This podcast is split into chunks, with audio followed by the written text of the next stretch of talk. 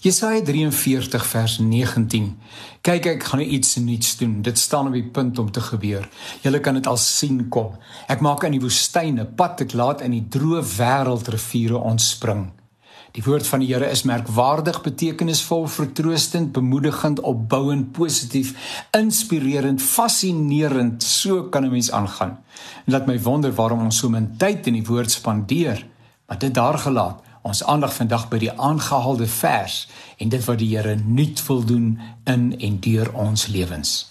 Nou, nuut en oud is twee metafore wat dikwels in die Bybel gebruik word. Soms eksplisiet en soms in gebed in die subteks. Die Bybel is tog in twee dele verdeel, die Ou en die Nuwe Testament. Dit beteken nie dat die een die ander vervang of dat die een nou van minder waarde of belang is nie. Die Ou staan in die teken van belofte, die Ou Testament, en die Nuwe getuig van die vervulling, die belofte het waar geword. Wat beloof is, het waar geword, het gematerialiseer. God se woord is dus betroubaar en geen enkele belofte bly in die lug hang nie. Daar is sprake van 'n ou en 'n nuwe verbond, selfs 'n nuwe liefdesbeginsel, soos jouself word nou soos ek julle liefgehad het. Die Nuwe Testament lui die tydvak van radikale geloof in. Wat geïmpliseer is, het nou werklikheid geword. Die ou dinge is verby, sê die Bybel.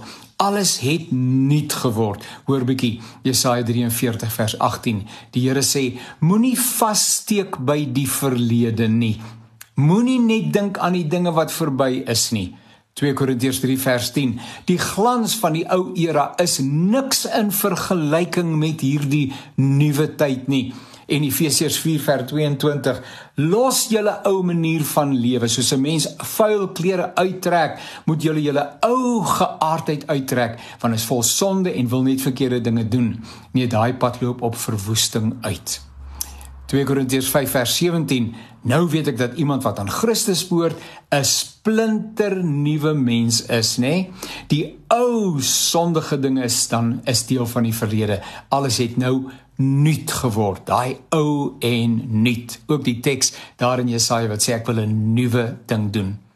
Die woestyn metafoor is in die teks is betekenisvol, nee, hy sê in die woestyn laat die Here laat hy waterfonteine losbreek. Nou, woestyn staan vir dit wat droog en dood geraak het. En daar kom woestyntye in elkeen van ons se lewens. Dinge kwyn in die woestyn, min dinge oorleef in die woestyn, en tog was die woestyn ervaring van Israel 'n besondere tyd in hulle lewens. Dit was 'n era waarna hulle telkens terugverlang het. Dit was 'n tyd van volkomme vertroue op die Here, van totaal en al aangewese wees op hom vir sy voorsiening. Deuteronomium 29 vers 5 in die boodskap. Daar lees ons: "Vir 40 jaar het ek julle deur die woestyn gelei, deur die woestyn gelei. Julle het nie agtergekom dat julle skoene uitgedrap raak of dat julle klere stikkend gaan nie." Met ander woorde, die Here het selfs in daai klein detail voorsien. So hier in die begin van 'n nuwe jaar beloof die Here dat hy ons woestyntye in waterryke fonteine wil verander. Dink maar aan die wonderbaarlike wyse waarop die Here telkens water voorsien het tydens die volks se woestynomswervinge. En die teks nooi ons uit om met verwagting te lewe, om na nuutheid te verlang en te streef. Die teks daag ons uit om kamp op te breek op die en die pad verder saam met die Gees aan te durf. Ja, die teks nooi ons uit om met verwagting te lewe, nie tevrede te wees met die status quo nie, maar die volgende tree te gee, die toekoms te gemoed. Dis eers wanneer ons die laaste asem uitgeblaas het dat ons niks meer het om te leer, te ervaar en te groei nie. Almal wat hier lees en saam luister, het vanoggend opgestaan, haal asem en leef steeds. Is jy op reis, op reis na die nuwe wat God wil doen of het jy lankal volledig alles wat jy het uitgepak en uh, jy bly nog maar net daar doodgewoon en tevrede. Nee, God sê ek het meer vir jou en met jou in gedagte.